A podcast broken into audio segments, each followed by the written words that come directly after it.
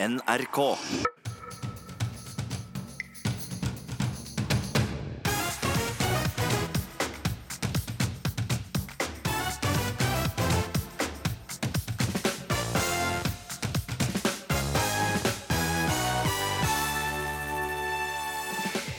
Det er siste helg i valgkampen, og partilederne avslører ukjente talenter og overlevelsesstrategier i valginnspurten. Jeg er flink til å sove. Det er, ikke, det er rart å skryte av det. En dupp her og en dupp der. Du ender med å sove på litt uh, pussige steder, for å si det forsiktig. Komiker Else Kåss Furuseth sliter med å finne sitt parti. Det føles jo litt som at hele valgkampen har vært som en sånn leirskole. Og så har jeg blitt litt forelska i alle sammen. Og så tenker jeg åh, men hvem skal jeg bli sammen med? For de kommer til å dumpe meg til slutt. Og Lillestrøm videregående ble for forsøkt manipulert av Folkeopplysningen i skolevalget. Det har gjort meg til en usikker førstegangsvelger, forteller elev Alva Lokreim. Og nesten fire år har gått siden millionær og eiendomsinvestor Reidar Osen ble brutalt overfalt og bortført. Denne uka ble det kjent at politiet har pågrepet en mann i saken. Jeg tenker han fikk sjokk når han ble hentet inn av politiet. Fire år etterpå snart. Du hører på Ukeslutt, hvor vi også skal høre at det å sørge offentlig, i hvert fall litt, har vært bra for komiker Nils Ingar Odne etter samboer Ida Eides død. Jeg heter Linn Beate Gabrielsen. Trine fikser neglene, mens Siv går tur. Partilederne har eh, sine metoder for å lade opp under valgkampen, og nå er det bare knappe to stressende døgn igjen på hjul og skinner land og strand rundt. Og reporter Synnøve Svabø har eh, sjekket ståa hos eh, Erna, Jonas og Trygve helt i innspurten av valgkampen. Da får du statsministeren her et lite øyeblikk. Erna Solberg, hvordan klarer du å holde formtoppen helt ut? Jeg syns jo det er hyggelig å treffe folk, og det betyr jo at det er møte med mennesker du ofte får energien din. Og selv om jeg er i bunnen er selvfølgelig sliten, som jeg tror alle politikere er når det nærmer seg helt slutten mot et valg. Støre, hvordan er formen nå? Skal være sliten på slutten. Og så er det det med å, å klare å, å Sånne helt fundamentale ting. Sove nok, spise nok, eh, ha det eh, moro nok. Derfor så er det å ha folk rundt deg som du blir i, i godt humør av, det er viktig. Uh, snakker du om Vedum da, eller? Ja, Han dukker opp fra tid til annen, så da er det jo hørselvern og, og, og Men han er en trivelig fyr. Formen er bra. Valgkamp er litt slitsomt, men det er veldig koselig òg. Varme klemmer og korps og flagg, masse unger og De de her små, nære opplevelsene er ofte de største. Da kjenner jeg en følelse av lykke. Du er liksom, liksom godsliten, vil jeg si at jeg er. Triks nå til å holde koken. Er, altså, svaret er at du må sove. Så det å finne steder hvor du kan eh, reparere litt og sove, og, det er en av valgkampens eh, utfordringer. Og litt sånn komiske sider òg, for du ender med å sove på litt eh, pussige steder, for å si det forsiktig. Så I Sogn og Fjordane må du ta ferge, det er flott. Og istedenfor å spise svele, så kan du sove. Med en god kollega så kjørte vi gjennom Telemark på virkelig svingete veier, og da tror jeg jeg hang og slang i det- bilbeltet mer enn en enn sunt der. Jeg er flink til å sove. Det er, ikke, det er rart å skryte av det. Så det, en dupp her og en dupp der, det er egentlig hovedtrikset. Nærmest som et barn som sover i en vogn hvor som helst, når som helst, i en by nær deg. Eller bygd. Oi, ja ja. Eh, Nå våkna du. Jeg var et øyeblikk jeg tenkte at var, nå var den helt utslitt. jeg var litt tam, ja. Eh, reisedistansene, det er da mellomting. Det er da du styrer landet og snakker med journalister. Det er jo ikke sånn at jeg kan eh, legge meg ned på hver gang vi forflytter oss. Du har en del jobb du må gjøre når du setter deg inn i bilen og klarerer ut ting og sørger for at eh, ja, alle de andre tingene som en statsminister må gjøre ved siden av å drive valgkamp, faktisk eh, ruller og går. Innimellom så må jeg få noe mat. Det å ha en eller annen matpakke eller en eh, kjeks eller et eller annet sånt i nærheten, det kan være lurt. For eh, du skal jo holde oppe et energinivå hele veien. Eh, Nøtteposer, så det er mulig å få på hvis det blir langt mellom måltidene. Også bak i bilen så sitter jeg noen ganger, det er bare blitt en fin avkobling, så sitter jeg på mobilen og spiller sjakk med et par eh, utvalgte venner. Jeg tror det, det, det er jo litt sånn ekstremsport å være partileder i en valgkamp. Du kan bli litt selvopptatt òg. Det, det står jo ting om deg hele tida. Det å være på lokalvalgkamp i Norge, det er ganske jordnært. Altså. Det er å fylle kaffekoppene til folk og være med og hjelpe litt til. Og Akkurat når det er på TV, så kan det se litt fint og flott ut, men ellers er det veldig hverdagslig, egentlig. Er, det, er musikk god avkobling? I så fall hvilken sang? Ikke så mye denne valgkampen, faktisk. Ellers så har jeg hatt liksom et sånn, sånn lydspor jeg spiller for å få meg i humør. Og da er det sånn mer gammel diskomusikk for å få opp, uh, få opp uh, pulsen og, og, takten. Ja, altså da kan jeg spille Saturday Night Fever og skikkelig sånn, de gamle de, diskolåtene som er evige, for å få opp rytmen og humøret.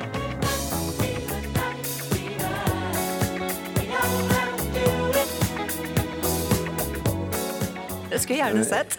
ja, velkommen. Det skjer mer på innsiden enn på utsiden. Jo, jeg også hører på musikk. Jeg hører, hører, kanskje ikke Jeg hører jo alltid litt på Prins, og så er jeg vel kanskje litt mer moderne enn 70-tallsdiskoen i min egen musikksmak. Det er jo fint å høre Sigrid eh, og 'Don't Kill My Vibe'.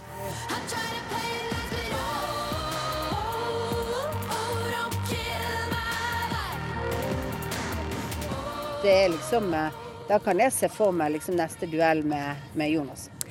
Selv der så battler dere. Tirsdag kveld er det beina på bordet og en flaske rødvin? Iallfall det første. Og så er det bort med dress og på med eh, olabukse og T-skjorte. Og så tror jeg vi er eh, ja, Jeg tipper kanskje en serie på TV.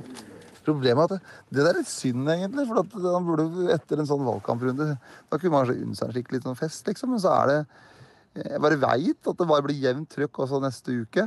Jeg gleder meg iallfall til å få en helg sammen med Sindre. Og så har vi noen plan om å treffe noen venner og rett og slett ikke ha noe program. Og så er det jo alltid litt sånn eh, rydding og vedlikehold som må gjøres. Og forsøke å få hverdagen til å gå etterpå eh, helg.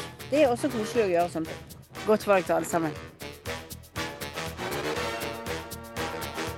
Torsdag kveld skjedde det som før eller siden måtte skje. Gå sammen!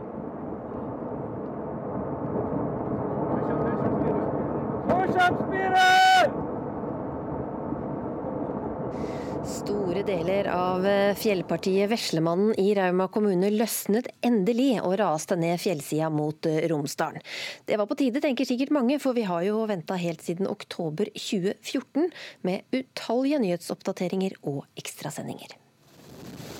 Det er hektisk aktivitet i området. Ekspertene tror at fjellpartiet kan kollapse i løpet av det kommende døgnet. Ifølge geologen har det voldsomme regnværet over Romsdalen fått enda mer fart på bevegelsene i mannen, som kan velte ut seint i kveld, kanskje ved midnatt. Geologene sier nå at de er mer usikre på når skredet kan komme til å gå. Rauma kommune trapper nå ned beredskapen rundt eh, fjellpartiet Mannen. Geologene spådde at fjellet skulle rase tirsdag. Nå er det umulig å si når skredet skredet går. Det blir ikke noe ras høsten 2014. Men høsten 2015 Ekstrem stor fare for at fjellpartiet Mannen raser. Kraftig regn har fått fjellet til å bevege seg. Kommunen i kriseberedskap. Heller ikke 2015. Det blir ny runde i 2016, 2017 og i 2018. Igjen har NVE satt opp farenivået ved det rasutsatte fjellpartiet Veslemannen i Rauma til rødt nivå. Det er nå femte gang i år nivået heves til rødt, og beboerne i området blir evakuert. Nei, heller ikke i 2018. Men torsdag kveld Deler av fjellet Veslemannen faller i kveld. Ordføreren i Rauma letter over at flere år med evakueringer er over. Ah. Nei, de tenker på alle de som har vært evakuert, og så mange ganger hvor fantastiske, flotte folk det er som har stått i det, som nå ah, endelig kan få flytte hjem igjen. Reporter var Mathias Rorehed Bergseth. Og i alle disse fem årene som vi andre har fulgt med på Mannen som sakte-TV, så kan de som har bodd midt oppi dette, endelig trekke et stort lettelsens sukk. Reporter Gunhild Setre møtte Anita Valstad Sogge etter at hun fikk komme hjem. Det er veldig godt. Jeg er utrolig glad for det. det... Hvordan har det vært å bli evakuert gang etter gang gjennom fem år? Nei, det har vært veldig slitsomt. Det er det for alle. Nå har det begynt å regne litt her nå. Hvis det var før raset hadde gått, hadde du gått og sjekka om det skulle bli veldig mye regn da? Ja, det er nok sikkert. Det har jeg hatt full oversikt over åssen været har vært meldt framover. Det Det vært meldt mye regn, da hadde jeg vært pakka klar til å ferde. Var det nesten sånn at du måtte hele tida ha bagen klar? Ja, det har det vært. Flyttelass i bilen hele tida, omtrent. Så. Hva er det som har vært verst gjennom disse fem åra? Nei, det er jo det å være forberedt på evakuering hele tida, da. Det... Ja, jeg har ikke vært så veldig redd for raset, da. Men evakueringene, det har jeg tatt på. Og hele tida, du veit jo aldri når, når du må ut. Hvorfor du ikke har vært redd for raset? Nei, det er fordi jeg er oppvokst med det, da. Eller jeg er oppvokst med disse fjellene, og det har gått mye ras opp gjennom åra. Hvordan reagerte du da når du hørte begynte å buldre oppi her? Nei, det har buldra hele dagen, da. Stort sett. Det var, det gikk noe ras hele tida. Men som på slutten, når det, de kom mer og mer, og ga seg ikke, og så kom det det store Da begynte jeg å tenke at ja, kanskje Kanskje når det går an å få litt fred framover. Det er en god følelse. Går det an å beskrive hvor glad du var? Eh, nei, veldig glad. Det Hoppende glad. nå da fremover, hvordan tenker du at livet blir nå? Jeg håper det blir fredelig. En får, får slappe av litt. Ja. Mange sier 'hvordan kan dere fortsette å bo her'? Hva sier du til det? Nei, det er fordi det er hjemmet vårt. Det er noe, for oss verdens fineste plass. Det, det, finnes ikke noen annen plass som, som, dette her. Men du tenkte på at her går ikke an å bo, du også, hvis det ikke hadde kommet til raset? Nei, hvis det har fortsatt sånn som det har vært de siste åra, så Altså, det har vært eh, veldig slitsomt. Det har det. Men jeg har jo selvfølgelig ikke hatt lyst til å flytte. Men nå blir det? Ja, nå blir det. Det blir det. En regnfull desemberkveld i 2015 blir eiendomsinvestor og gallerieier Reidar Osen brutalt overfalt og bortført midt i Bergen sentrum. I fire år har han kjempet for at de skyldige skal bli tatt, og denne uka ble det kjent at politiet har pågrepet en mann. Reporter Gry Veiby møtte Osen, som håper politiet nå står overfor et gjennombrudd. Nei, Jeg blir bare, bare glad, altså. Jeg blir glad. Jeg, jeg går jo og tenker på saken hver eneste dag, da, men uh, det er jo helt spesielt. Denne uka ble det kjent. Nesten fire år etter at millionær og eiendomsinvestor Reidar Osen ble forsøkt bortført, har politiet pågrepet en mann. Bergensavisene er fulle. Dette er en milepæl. Pågripelse og gjennombrudd snart fire år etter overfallet på Reidar Osen. Men gleden har en bismak. For hvorfor har det tatt så lang tid? Vi spoler tilbake til desember 2015. En mann er fraktet til akuttmottaket på Haukeland sykehus med alvorlige skader etter å ha blitt bortført, ranet og mishandlet i Bergen sentrum. Men det var klokken halv, uh, halv seks, var det vel, rundt om der. Osen skal vise meg hva som skjedde den regnfulle kvelden. Vi beveger oss fra Kunstgalleriet og rundt hjørnet. Her sto bilen. Jeg går bort der og åpner døren. Døren sto faktisk åpen. Altså, han var ikke låst. Og da sitter det en mann ved siden av meg. Jeg får sjokk, altså. I finlandshette og hansker på seg. Og så kvepper jo jeg til, og han begynner å dra meg innover. Og så er det bak i bilen. Så ble jeg hevet over setene. Fikk en arm rundt halsen. Trukket bakover. Og da begynte marerittet. Osen blir dratt inn i bilen, stripsa på armer og bein. I flere timer blir han utsatt for grov vold og trusler fra tre menn i finlandshette. Jeg fikk en pistol ned i halsen. Langt ned i halsen. Og Det var da det knakk tenner og alt mulig. Og ja, for du hørte at... Jeg hørte knasingen rett og slett i tennene. Altså. Det var fælt. Uff a meg.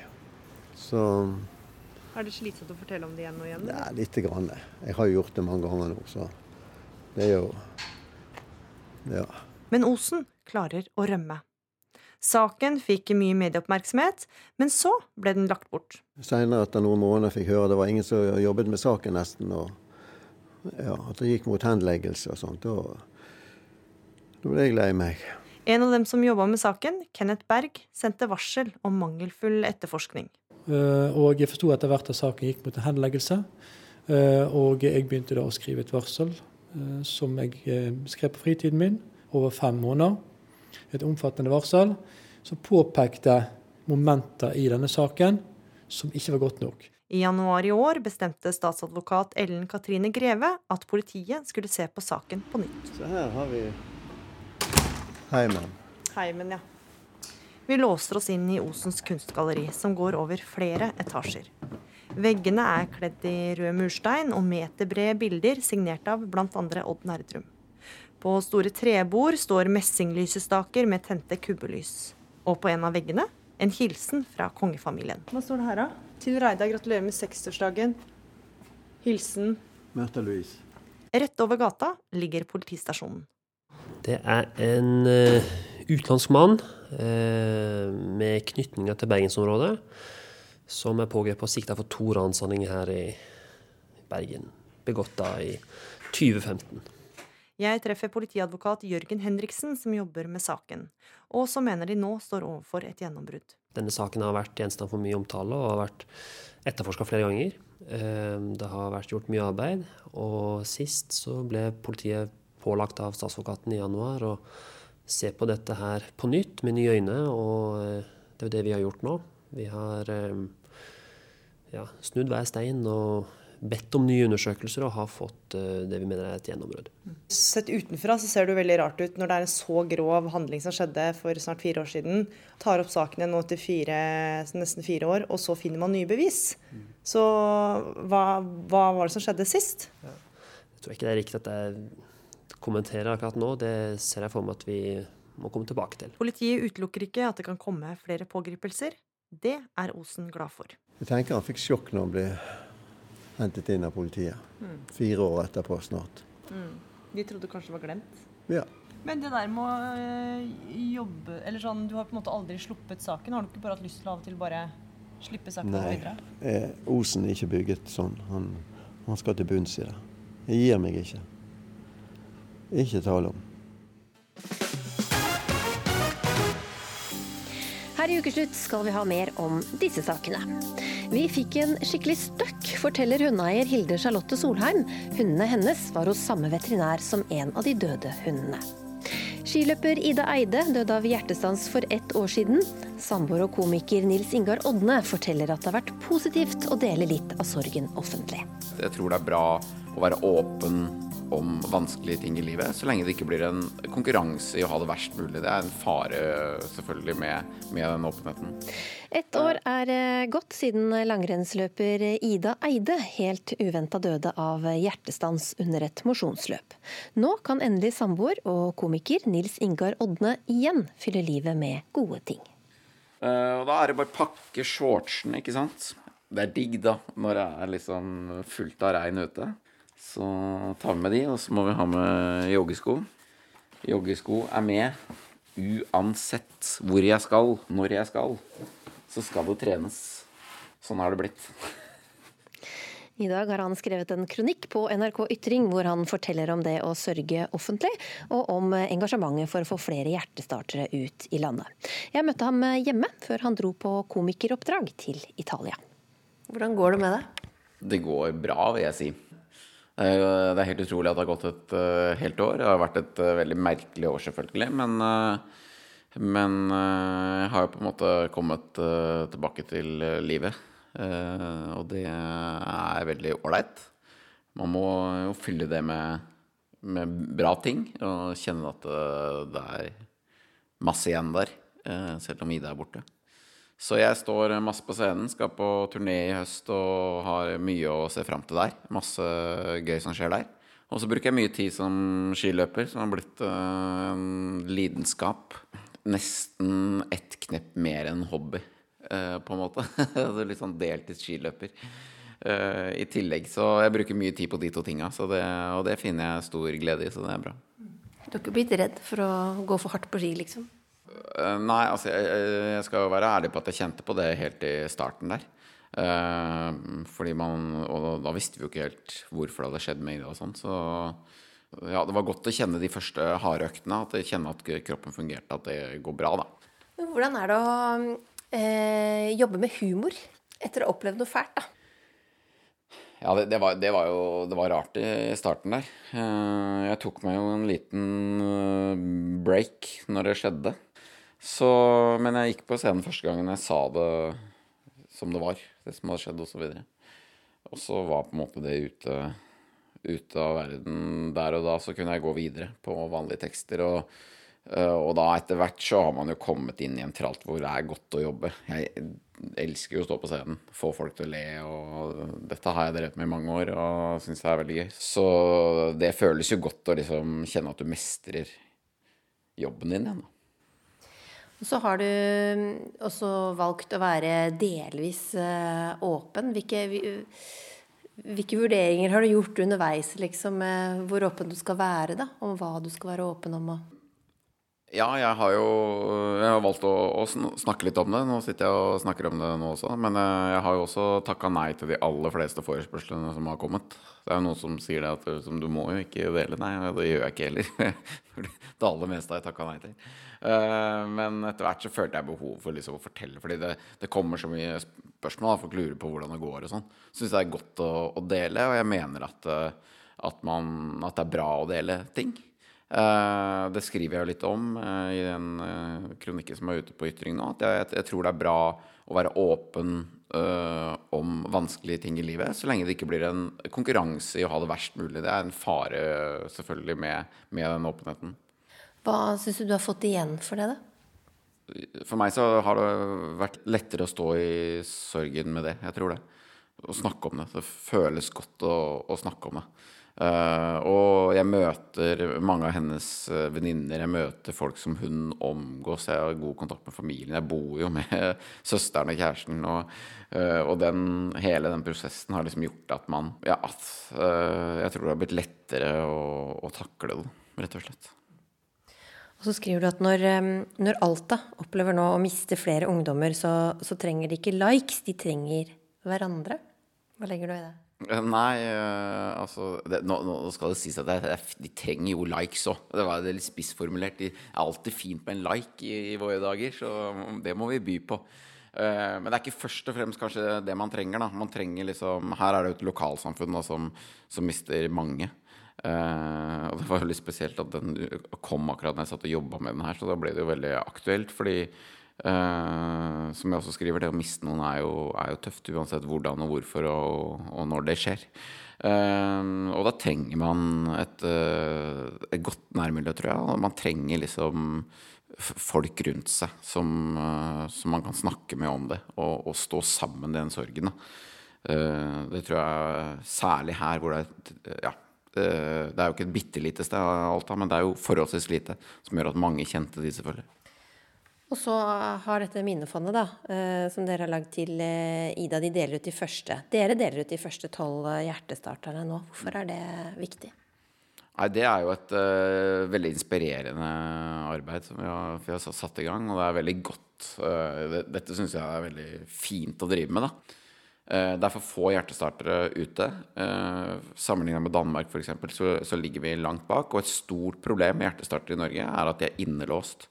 Eh, de er i banker, selskaper. Næringslivet er forholdsvis flinke til å ha eh, hjertestartere. Problemet er at de lokalene låses. Så når alle de er låst, så er det ikke så mange tilgjengelige. Eh, så et viktig budskap for oss når vi deler ut disse tolv, er at de skal stå åpent. Man skal ikke tenke at dette er noe verdifullt man skal ta vare på at den, ligge, den, må ligge sammen med iPaden, liksom, for de er verdt masse. Som man ikke tenker. En hjertestarter skal aldri ligge innlåst på vaktmesterens kontor i en idrettshall. Den skal henge åpent, så alle får tak i den.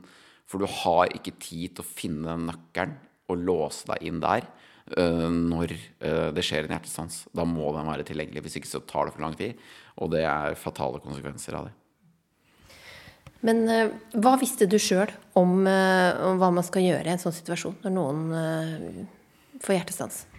Nei, jeg var jo ikke noe bevisst på det. Hadde ikke tenkt over det i det hele tatt. Hadde aldri vært i en situasjon hvor det var nødvendig å vite det heller. Jeg hadde ikke tatt førstehjelpskurs. Det har jeg nå gjort. Så nå vet jeg liksom hva man skal gjøre, og håper at jeg kan klare da i den situasjonen å omsette det klarer å tenke, tenke klart og, og gi hjerte-lungeredning, som er 32. To innpust, 30 hjertekompresjoner. Ordentlige hjertekompresjoner. Trykke godt ned på brystkassa så du pumper blodet rundt uh, og opp til hjernen. Det kritiske ved en hjertestans er at hjernen ikke får surstoff. Uh, og det å holde hjertekompresjonene i gang helt til hjertestarteren kommer, det kan redde liv, og det kan minske skadene veldig. Hvordan vil du si dette siste året har, eh, har endra deg? Ja, hele svaret på det vet jeg sikkert ikke ennå. Eh, Det er sikkert en vei igjen der. Men det er klart at eh, en, en sånn episode blir jo en del av min historie, selvfølgelig. Så det er klart at uh, mye av det er jo fortsatt uh, tøft og rart. Men, uh, men jeg har nok blitt ja, kanskje enda mer bevisst på at man må bruke livet til noe fint. Da. Det å sitte hjemme med gode opplevelser og gjøre, gjøre ting, bra ting som man liker, det det er viktig. Du kan lese Nils Inga Rodnes kronikk på NRK Ytring, og mens du kanskje finner fram den, setter vi på Bendik din hånd. Reporters and folks will not tell you the truth. De siste seks månedene har jeg og redaksjonen i NRK-programmet Folkeopplysningen jobbet med ett mål for øye, og det er å manipulere skolevalget ved Lillestrøm videregående skole. Vi har spredd fake news, og vi har utgitt oss for å være andre enn vi er. Jeg mener at NRK selv eh, må tenke gjennom om, om det å bruke fake news og lage den typen scenarioer er en del av det som er mandatet til en rikskringkaster finansiert av eh, skattebetalerne. NRK har fått mye kritikk denne uka, for eh, programmet Folkeopplysningen har i et halvt år spredt falske nyheter for å påvirke skolevalget ved Lillestrøm videregående skole. Poenget med å lure elevene har vært å skulle bidra til økt kunnskap om falske nyheter og manipulering av valg. Magnus Sandem Deli, du er 18 år og elev ved Lillestrøm videregående skole. Mange har blitt eh, krenka på dine og dine medelevers eh, vegne, men du er ikke krenka. Hvorfor ikke? Nei, eh, jeg føler at eh, det har vært en god eh, opplæringsmulighet å få til dette. Selv om det har vært NRK som har gjort det. Men å få sette falske nyheter og falske artikler og sånt i lys i et valg, det synes jeg har vært veldig bra. Alva Lukreim, du er også elev ved Lillestrøm videregående skole. Du likte ikke stuntet til NRK. Hvorfor ikke? Eh, Jeg mener at det at de utgir det som et forskningsprosjekt eller et eksperiment, er feil på grunnlag av at de har ikke fått tillatelse fra, eller samtykke fra noen av elevene. I tillegg til at eh, de har gjort dette under selve valget, eh, selve skolevalget, og i tiden før vi kan, mens vi kan forhåndsstemme. Ja, for det er flere som er stemmeberettiget. Du skal også stemme på mandag. Mm. Eh, Magnus, altså, du, du har blitt manipulert, lurt, servert falske nyheter av NRK i et halvt år. Hvordan reagerte du da du skjønte det? Eh, Jeg skjønte dette mest sannsynlig to uker før eh, det ble annonsert at det skjedde. Jeg hadde, under, jeg hadde undersøkt dette eh, for meg selv og sammen med et par venner etter at vi hadde blitt intervjua på skolen. Vi hadde funnet et par av disse falske nettsidene og den falske valgomaten. Og så hadde vi syntes at det hadde vært eh, veldig merkelig å få merkelige svar og merkelige spørsmål på denne valgomaten. Så hadde vi hadde undersøkt det, sjekket opp domenenavn osv. Og, så og funnet ut at det var noen som prøvde å påvirke valget ved Lillestrøm. Men kunne dere tenke dere at det var Folkeopplysningen? Var- Nei, egentlig ikke. Jeg tenkte ikke at det var folkeopplysning. Jeg bare visste at det var noen som hadde prøvd å gjort det. Det er det jeg kom frem til. Og Alva, hva, hvordan reagerte du da du skjønte at du var blitt lurt? Eh, Jeg reagerte først i en sjokktilstand. Eh, Jeg sleit med å fokusere på hva som skjedde i rommet når dette ble annonsert. Eh, Det var ikke forventet, og med en gang jeg hadde samlet meg selv, så skjønte jeg at dette her er jo ikke greit på noen som helst måte. Og det var første reaksjonen min da. Var det noe av de falske nyhetene som du ble servert, som du reagerte spesielt på? Reagerte spesielt på saken om MDG, som ville ha kvote på dusjer og eh, ikke tillate deodorant. Dette syns jeg ble litt ekstremt for meg. Um, og jeg reagerte på at eh, Arbeiderpartiet feiret eh, varmerekorder i Norge. Det var to jeg spesielt reagerte på. Og du, Magnus? Eh, Jeg, for de fleste nyhetene jeg så, så var det sånn jeg tenkte meg over etter jeg hadde lest dem, og så tenkte jeg sånn dette kan ikke være sant. Så da gikk jeg og sjekket opp andre kilder for å se om dette hadde kommet opp andre steder, og fant ingen.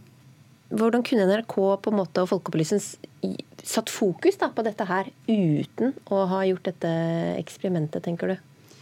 Jeg tror at det å undervise i fake news eh, kan holde, spesielt da i tiden før valget. Det å ha refresher course på det, det å ta flere timer om det, eventuelt eh, ha en situasjon, vise en situasjon hvor fake news kan bli spredt foran elevene, eh, men med viten om at dette er fake news. Eh, kan være en metode å gjøre det på, i tillegg til at vi alle på Lillestrøm videregående skole har lært om fake news og kildekritikk siden de gikk i første klasse.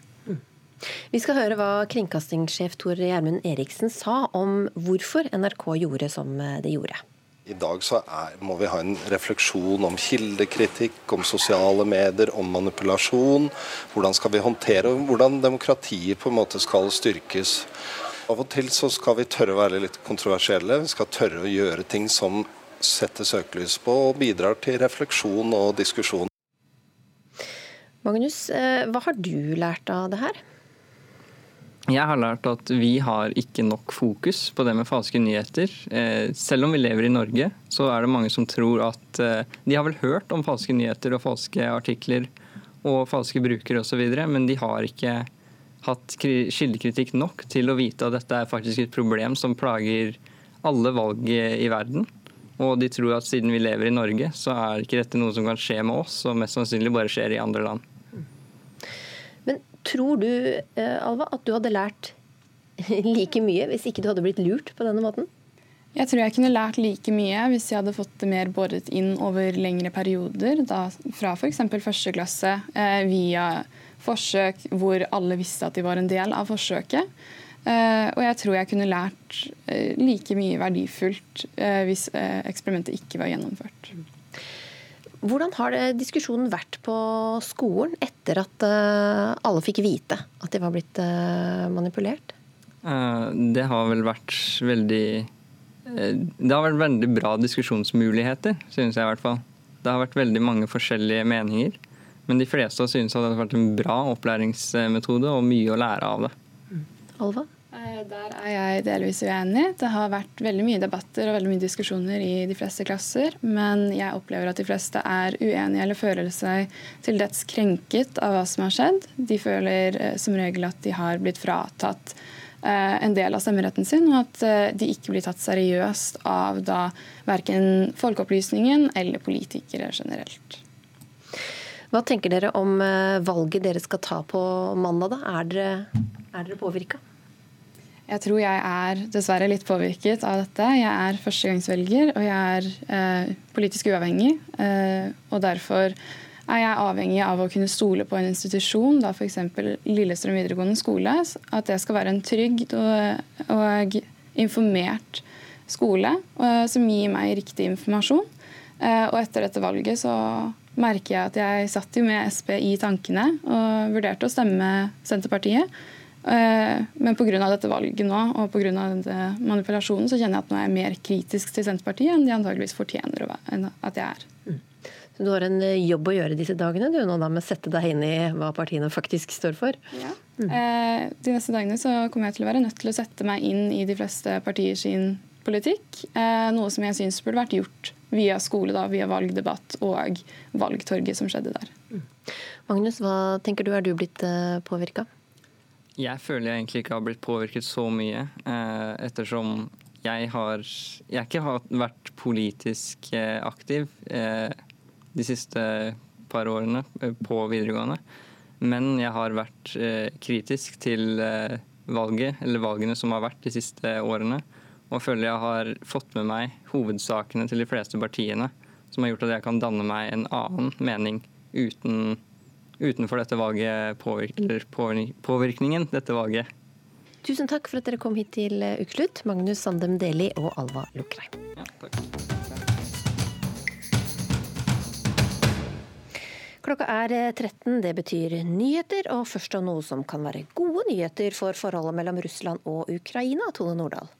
Ja, De to landene er nå i gang med en storstilt fangeutveksling. Landene skal utveksle til sammen 70 fanger, 35 fra hvert land. Mange av disse har jo sittet fengslet lenge, og på bildene som nå kommer fra den internasjonale flyplassen i Kiev, så ser vi veldig mange glade mennesker som kan ta imot familiemedlemmer som de har ventet på lenge. Fra Bahamas så kommer det meldinger nå om at nødhjelp er på vei inn, fem dager etter at øygruppen ble truffet av orkanen Dorian. FN anslår at 70 000 mennesker har behov for livreddende hjelp. Minst 43 er døde, men mange hundre er fremdeles savnet på Bahamas. Og myndighetene sier situasjonen fremdeles er kaotisk etter den kraftige orkanen. Og her i Norge så er jo veldig mange opptatt av alle sykdomstilfellene hos hunder i det siste. Hva er siste nytt der?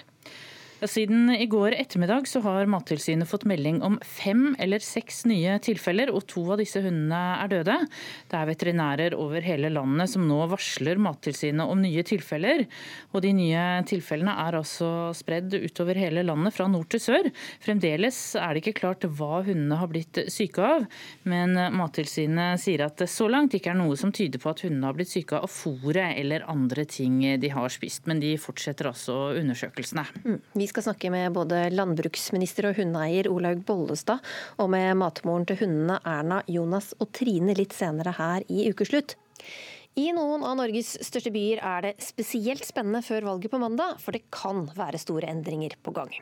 I Stavanger har det vært blått styre i 24 år, men nå kan det stå for fall, for det snakkes om tidenes valgthriller i oljebyen. Eller hva reporter Ruth Einevold Nilsen, du er med oss fra valgkampinnspurten i Stavanger sentrum. 9 metros. Ja, jeg hører de kaller det for en valgthriller, men jeg vet ikke helt om det er så veldig mye skjelving og neglebiting blant de kandidatene jeg ser på torget her nå, som i siste liten prøver å preie de siste velgerne til seg. Men det er unektelig spennende det som skjer i Stavanger, hvem det er som skal styre oljebyen etter 24 år med Høyre-ordfører. Nå er det dødt løp mellom Arbeiderpartiet og Høyre, og noen av de som disse partiene prøver å hanke hanka inn i siste liten. Det er dere, Marianne Onarheim og Stein Tonning. Har dere bestemt dere for hva dere skal stemme? Vi har vel bestemt oss, ja. Men det er jo et hemmelig valg. Ja, ja vi har bestemt oss. Så det at disse partiene står nå og deler ut på plommer og roser og boller, eh, hjelper det? Nei, de gjør jo i grunnen ikke det. Ikke med plommer og roser. Men det er jo kjekt å få en rose, da. Og Stein, eh, hva skulle til for at du skulle ha ombestemt deg nå et par dager før valget? Nei, jeg har bestemt meg, så det, det hjelper ikke. Og hvor lenge er det du har stemt på det samme partiet? Ja, det er nok uh, stort sett alltid det samme partiet. Og Hva med deg, Marianne, hva skulle til for at du plutselig skulle ha forandra mening? Er det noe som kunne ha vippa deg i noen retning? I grunnen ikke. De vil jo aldri komme med alt det du ønsker, men eh, du må jo se på det store hele. Og de kaller det jo en thriller, det som skjer i Stavanger-politikken. Og eh, Stein, altså, er det så spennende som en thriller, syns du? Ja, jeg syns det er eh, veldig spennende i år. Det, I og med at de litt mindre partiene ser ut til å få ekstra eh, stemmer, eller iallfall prosentvis, i meningsmålingene. Og vi har et bompengeparti som ser ut som blir en sånn dark horse. Hva med deg, Marianne? Syns du det er spennende det som skjer? Ja, jeg syns det. Det er veldig spennende denne gangen. Så vi er jo litt Ja, det skal interessant å se hva som skjer, rett og slett. Og Du nevnte Bomstein. Bompengepartiet har jo markert seg i Stavanger og kan få ganske stor oppslutning. Men jeg lurer på, eh, Marianne Stein, hvor leie er dere av bom? I grunnen ganske lei. Jeg syns dette her er altså, At du skal gå på et parti der de på en måte har valgt én sak. Hva med alle de andre tingene, da? Ja, Der er jeg helt enig. Det er mange andre saker som eh, burde få vel så stor oppmerksomhet som bom. Og de skal dere få sjanse til å stemme på på mandag. Godt valg. Vi går på søndag. ja, vi går på søndag ved å stemme. Godt valg allikevel. I like måte. I like måte. Og takk fra Stavanger, Ruth Einervold Nilsen. Mange skal eh, stemme i en eh, helt ny kommune eller fylke dette valget, fordi de har blitt slått sammen med nabokommunen, frivillig eller ved tvang. Og hvordan er det egentlig å stemme når du egentlig er litt sur på den nye kommunen din? Jens Kiel, du er eh, politisk kommentator i Bergens Tidende, og du har besøkt hver eneste kommune i Norge. Og denne uka ga du ut boka 'Dette er også Noreg kommunal feelgood'. Hvordan fikk du kommunal feelgood?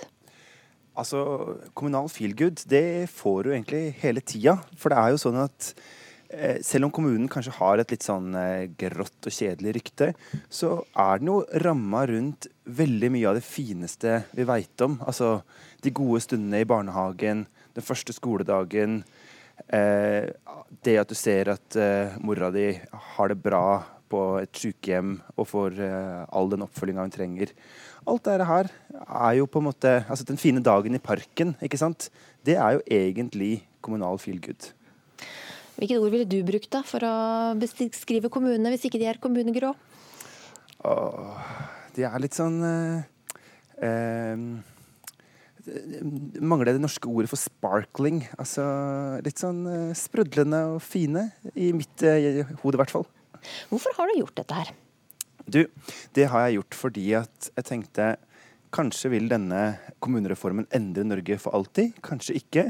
Men for en gutt som er oppvokst på Oslo vest, og etter hvert blitt en mann som er fra Oslo vest, så er det sunt tror jeg, å se litt mer av Norge. Snakke med folk, prøve å skjønne hvordan ting henger sammen på andre plasser enn der eh, man sjøl kommer fra. Og det tror jeg egentlig gjelder oss alle. altså. Men eh, det er jo muligens ikke like eh, koselig og høytidelig å stemme i, i, alle kommuner, nettopp fordi sant, det er førstevalget for en, uh, i en ny, ny, kommune. Hvordan påvirker det valgkampen og, og valget denne tvangssammenslåingen?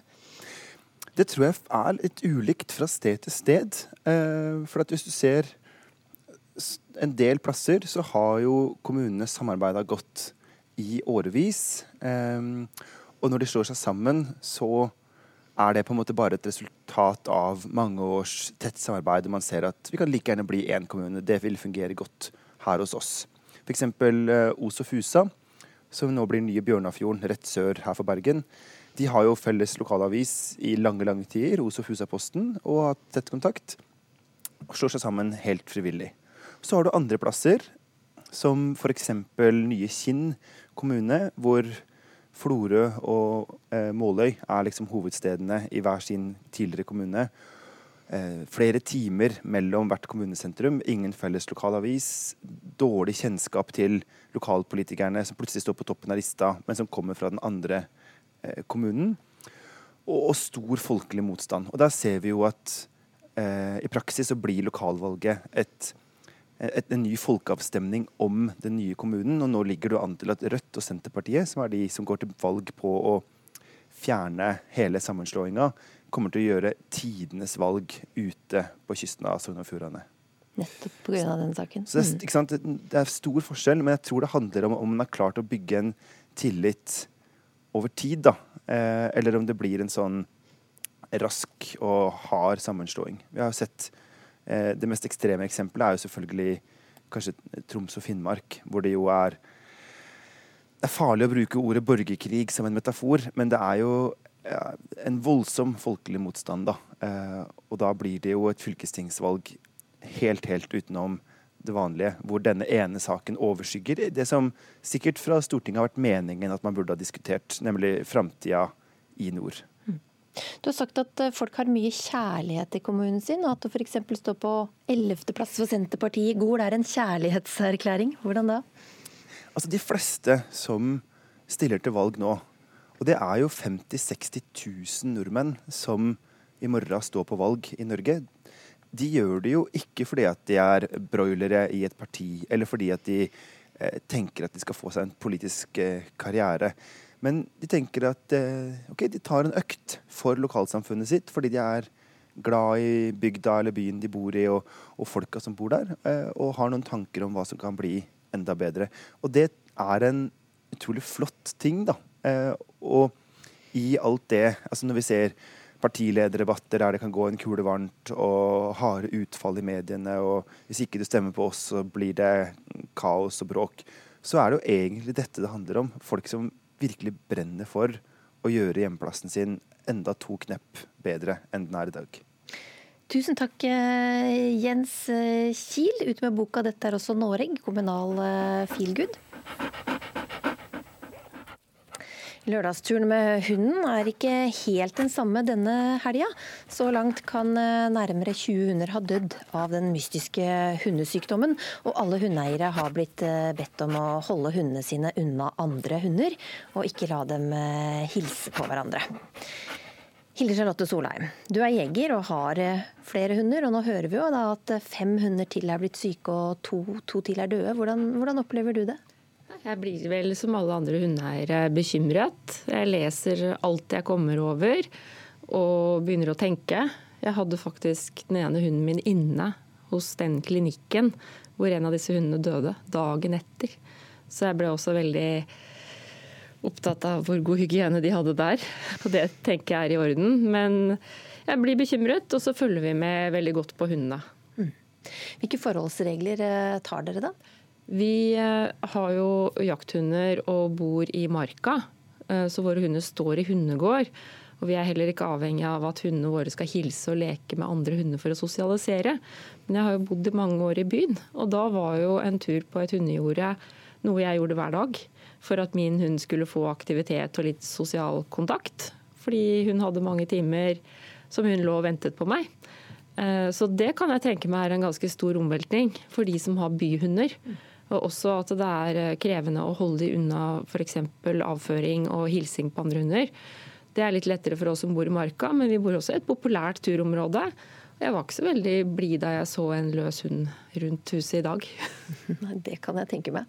Landbruks- og matminister, for ikke å si hundeminister, Olaug Bollestad.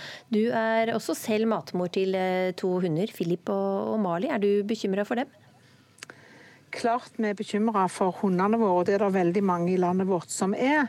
Fordi dette er jo et utbrudd som vi ikke helt vet hvorfor det er kommet, og hvordan det er kommet. Det gjør jo at vi er glad i dyra våre og følger ekstra med og tar alle forhåndsregler som både Veterinærinstituttet og Mattilsynet har sendt ut, og følger med på de rådene som gis på hjemmesidene deres. Nettopp fordi det er så viktig å ivareta dyra våre. Hva kan du fortelle nå om siste nytt fra, fra Mattilsynet? Hva skjer nå?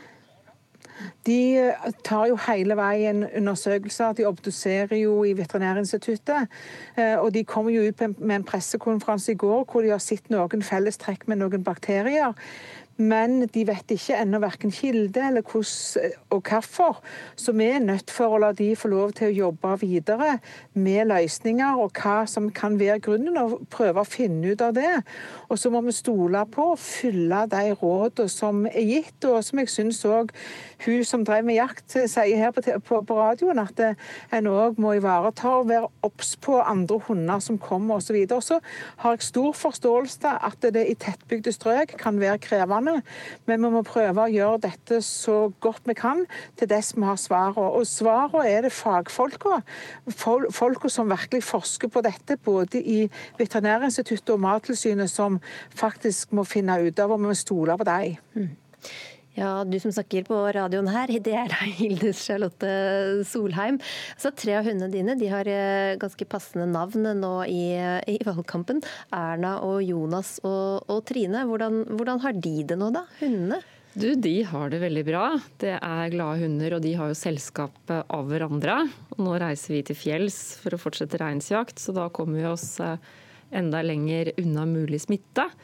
Men én eh, ting som vi følger ekstra nøye på, er jo, er jo på en måte magen. Det er, det er, mange hunder kan ha litt løs mage, og nå skal man jo f.eks. følge med på diaré. Så det er jo en del ting man ellers vil la passere, som man er nødt til å følge litt ekstra nøye med på. Og så er det klart at Vi har lest alt vi kommer over, for vi har jo hatt hendelser tidligere hvor hunder er blitt syke av fôr eller godbiter. Eh, og nå er jeg glad for å høre at det, det ikke er det. Men det hadde kanskje vært en enklere løsning å styre unna det fôret. Jeg blir også litt skremt fordi jeg vet jo at vi har det, kommer flere parasitter. Vi får flått nå i perioder hvor våre hunder aldri har fått flått før. Og vi hører jo at det kommer hjem hunder med parasitter og sykdommer utenfra. Så dette er jo også en liten påminnelse om at verken eh, den gode menneskehelsen eller hundehelsen vi, vi har i Norge er, er helt selvsagt. Og den ideen om at alle hunder alltid skal hilse hele tiden, den tror jeg kanskje får seg en, en liten korrigering. Altså, det, kan være, det kan være smittsomme sykdommer også blant hunder. Eh, og våre hunder er såpass sosiale med hverandre, så vi har ikke noe veldig stort behov for å hilse på andre hunder når vi går tur. Og Det syns jeg hundeeiere skal respektere. Og jeg synes også at en del hundeeiere er litt for uh, slepphendte Må slippe hundene løs. Vi har mange løshunder i marka der vi bor, også i perioder med båndtvang. Så det er også en påminnelse om at uh, hunder er dyr. De kan, de kan, være sykdomsbærere. Og det kan være god grunn til å, til å følge det lovverket som sier at du alltid skal ha kontroll på hunden din. Olaug Bollestad, Philip og Mali, da, hvordan tror du de takler å ikke få lov til å hilse på de andre hundene som kommer deres vei? Jeg tror de klarer seg veldig godt. Eh, han gamle Philip han er egentlig eh, kongen på haugen, han, så han, han, går jo og bestemmer litt sjøl. Eh, og det vil si at han, han er ikke så opptatt av å hilse på andre hunder. og Den lille den følger ofte etter den store. Og så har de fellesskap i hverandre, de òg. Og så er det viktig for oss å finne områder hvor det er minimalt med andre hunder. Og så har jeg lyst til å si det er utrolig viktig at vi nå finner ut av dette. Eh, en har ikke svar på hvor smitten kommer ifra. og Derfor så har Veterinærinstituttet og Mattilsynet sagt at de går enda bredere ut for å registrere med alle veterinærer som har hatt eh, sykdomstilfeller hos seg osv. Nettopp for at vi skal kunne komme til bunns i hvor er kilden, og hva er begrunningen til det. Og så syns jeg òg det er helt riktig som blir sagt. Vi som hundeeiere har et stort ansvar. Det er et levende vesen som vi har ansvar for, som kan bli sykt, og som òg kan få eh, sykdommer gjennom andre ting. Som betyr at vi må være bevisste på at vi ikke skal føre den smitten eller de bakteriene videre til andre andre. Og Det å ha dyr, det å ha en hund, det forbindes òg med å ha et ansvar. og helt så jeg er hjertens enig i det som sies om båndtvang, og at vi bruker dette med respekt. Selv om vi sier at vår hund er så rolig osv., så, videre, så vet vi at dette er hunder, og dette må vi òg ta ansvar for. For det er andre som har andre typer hunder, og som kan bli syke. Og det tenker jeg det er et stort ansvar vi har som eiere. Da sier jeg eh, tusen takk, jeg landbruks- og matminister Olaug Bollestad, og takk Hilde Charlotte Solheim. Bli med når eh, komiker Else Kåss Furuseth går fra valgbod til valgbod på Karl Johan for å forsøke å bestemme seg for et parti. Jeg kan ikke, jeg kan ikke to drops og en nøkkelring. Så billig er jeg ikke. Jeg er billig, men ikke så billig. Rekordmange har eh, forhåndsstemt i år, men eh, sitter du fortsatt og ikke helt vet hva du skal stemme, så er du ikke alene. Komiker Else Kåss Furuseth syns det er vanskelig å bestemme seg, så derfor inviterte Ukeslutt henne med til alle valgbodene langs Karl Johans gate for å prøve å hjelpe henne til å finne sitt parti. Men først så måtte Else ta en telefon. Hallo, Hallo bestemor. Du, hvilke parti burde jeg stemme på? Jeg kan, jeg kan ikke si det, si det. Jeg, jeg, jeg, gjør ikke noe hemmelighet at jeg stemmer i Høyre. Vi står ved hovedstadens paradegate og ser bortover mot Stortinget.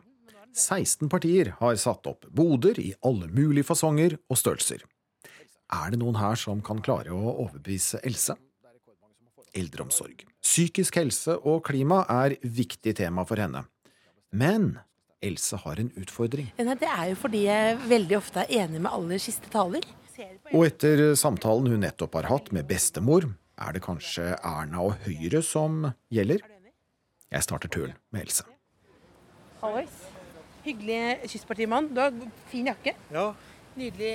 Det er en slags uh, fleecejakke her. Stoppe salget av Norge ut av Schengen. Ja, derfor, men Hva tenker du om eldreomsorga? Det er viktig. Hel helse og omsorg er uh, kjernesaker. Er det rart å stemme Kystpartiet når du bor midt i Oslo? Ja. Hvor mange meter er det til kysten? Else har fått en liten oppgave av meg. Hun skal kåre det partiet som nå kommer henne i møte med best politikk. Men også det partiet som har den beste valgboden med de hyggeligste folkene. Hva med partiet De kristne? Ja, selvsagt kommer Jesus tilbake. Det står i Bibelen. Men nå kommer Harry Krishna gående her nå. Ja, ja, da blir det konkurranse med ja, det, Altså, Dem er ikke konkurranse med, med vår kristendom. Det er ingen som har overbevist eh, helt eh, så langt, men nå kommer vi til hennes bestemors parti. Og Else kommer med en bekjennelse. Jeg har stemt eh, Høyre en gang Eh, da jeg begynte å jobbe for Thomas Giertsen. For da tenkte jeg han har jo øh, fin bil og fint hus. tenkte jeg Da stemmer jeg sammen som han. At de vil ha en eldrereform som gjør at en eldre selv kan bestemme hvilket opplegg man vil ha. Ja. Hvem som skal tørke deg bak. Ja. Man skal bestemme hvem du skal, men Det kan man jo ikke få til. får man til det? Må man ikke bare, må man ikke bare godta at det er noen som tørker? Nei. Naboboden til Høyre er Fremskrittspartiet. Men de frister Else med noe helt annet enn politikk. Det er den beste boden til nå, da. Fordi, Briller og drops? Har dere litt drops? Ja, vi har det. er veldig bra.